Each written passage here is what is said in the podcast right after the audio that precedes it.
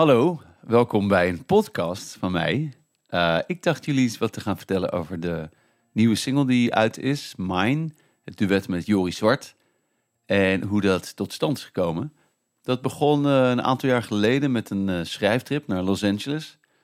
Een aantal van jullie weten misschien wel dat ik dat heerlijk vind om te doen. Zo, nou, het liefst zo vaak als het kan, maar zo om het jaar is de ervaring dat ik dan uh, naar uh, Los Angeles of kan ook ergens anders naartoe, maar het liefst daarheen ga om uh, me twee weken lang af te sluiten, onder te dompelen met creatieve schrijvers en natuurlijk mooie omgeving met korte broek en teenslippers naar een schrijfsessie toe.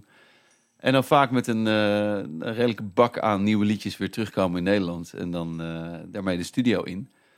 Dus dat, dat werkt voor mij te gek en ook in deze trip uh, had ik een aantal mooie dingen gemaakt. Maar uh, vandaag gaat het dan over Mine, de nieuwe single. Um, ik had een sessie met uh, waanzinnig leuke gozer Sean Bo. En we hebben de hele dag, ik denk zeker tien uur lang, aan een liedje gewerkt. ik zou niet eens meer weten hoe die gaat. hij staat ergens op zijn computer. En ehm, dat was een, denk ik, een dance liedje. En vast heel tof. Maar nou ja, het feit dat ik hem niet meer kan reproduceren Zegt wel genoeg.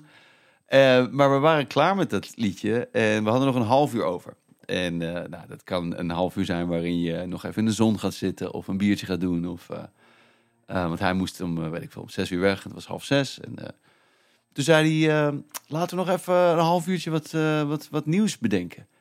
Nou ja, natuurlijk tof om iets nieuws te bedenken, maar ik dacht op mijn beurt, ja, je, het gevaar is dat als we, als we dan in een half uur iets, iets leuks maken, wat natuurlijk niet af is, hoe gaan we dat dan ooit afmaken? Ik ga volgende week weer terug naar Nederland. Jij zit hier.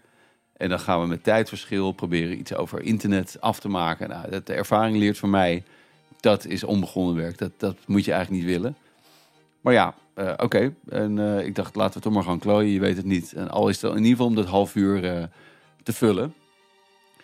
En hij besloot om dit keer niet mee te spelen. Hij speelt gitaar en piano en uh, hij ging uh, achteroverleunen in... Uh, we gingen buiten op de patio zitten.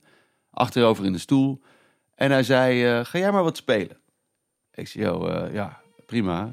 maar wat, wat moet ik dan doen? Weet je? Dus ik pakte mijn gitaar en ik begon te tokkelen.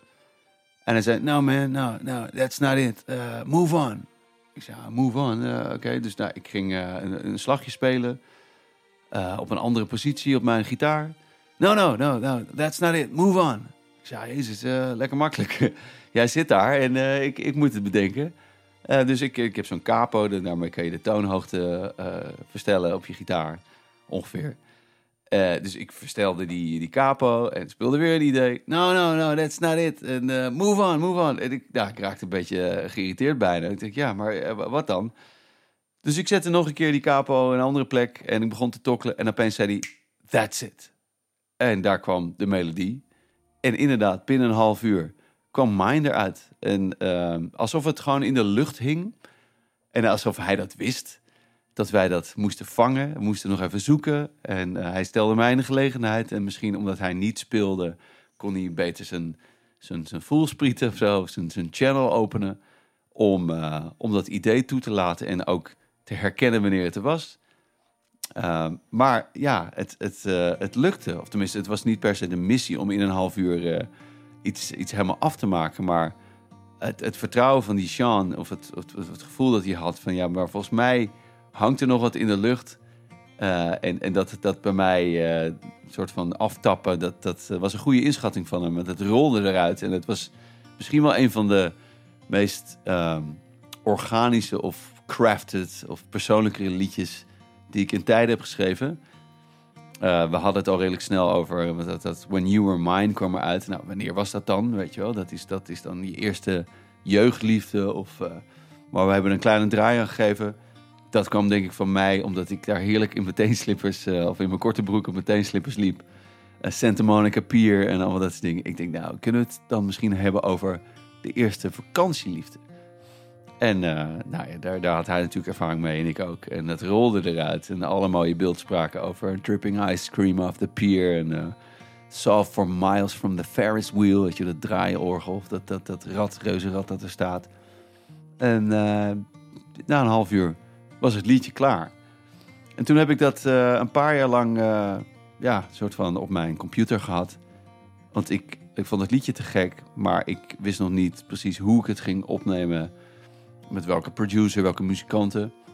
En na een aantal keer terugluisteren dacht ik, ja, maar het is een liedje dat gaat over de eerste jeugdliefde. Ik kan dat wel zingen over iemand, maar het voelde als een liedje dat je naar elkaar toezingt.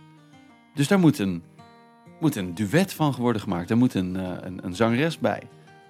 En uh, nou, nou, niet heel lang nadenken kwam ik op Jori Zwart. Uh, dat vind ik een waanzinnig goede zangeres en een prachtige, prachtige dame.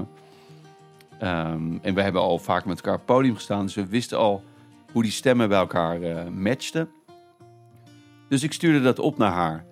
En zij hoefde volgens mij niet langer dan één seconde na te denken. En zei volmondig, ja, dit is wat ik wilde. Dit, liedje voel ik helemaal.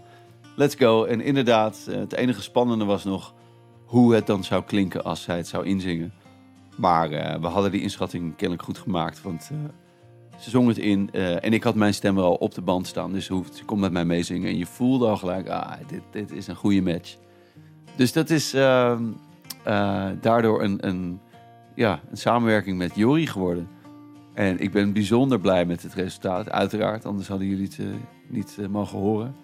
En ik ben vooral heel erg benieuwd wat jullie ervan vinden. Um, dus uh, stay tuned als je benieuwd bent naar meer insights en achtergronden achter de liedjes. Bye bye.